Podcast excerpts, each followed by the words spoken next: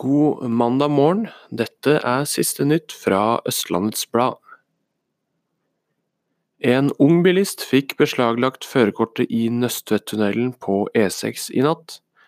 Han ble stoppa av politiet i 137 km i timen i 90-sonen.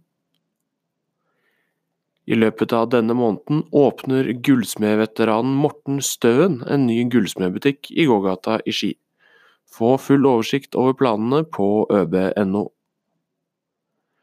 Obos vil bygge 1200 miljøvennlige boliger på Svartskog, men rådmannen i Oppover kommune ønsker at politikerne skal vedta å droppe all boligbygging i det aktuelle området. Da Coop Mega på Kolbotn stengte dørene, flokka kundene over til Rema 1000 på Sofiemyr. Butikken er den største i kjeden mellom Oslo og svenskegrensa, og har økt omsetninga med 100 000 kroner hver dag. Få også med deg den nyeste episoden av vår sportspodkast Tungvekterne, hvor Øbesportens Magnus Gulliksen og Knut Stenseth diskuterer stort og smått fra idrettsmiljøet i Follo. Siste nytt fra Østlandets Blad fikk du av Eirik Løkkemoen Bjerklund.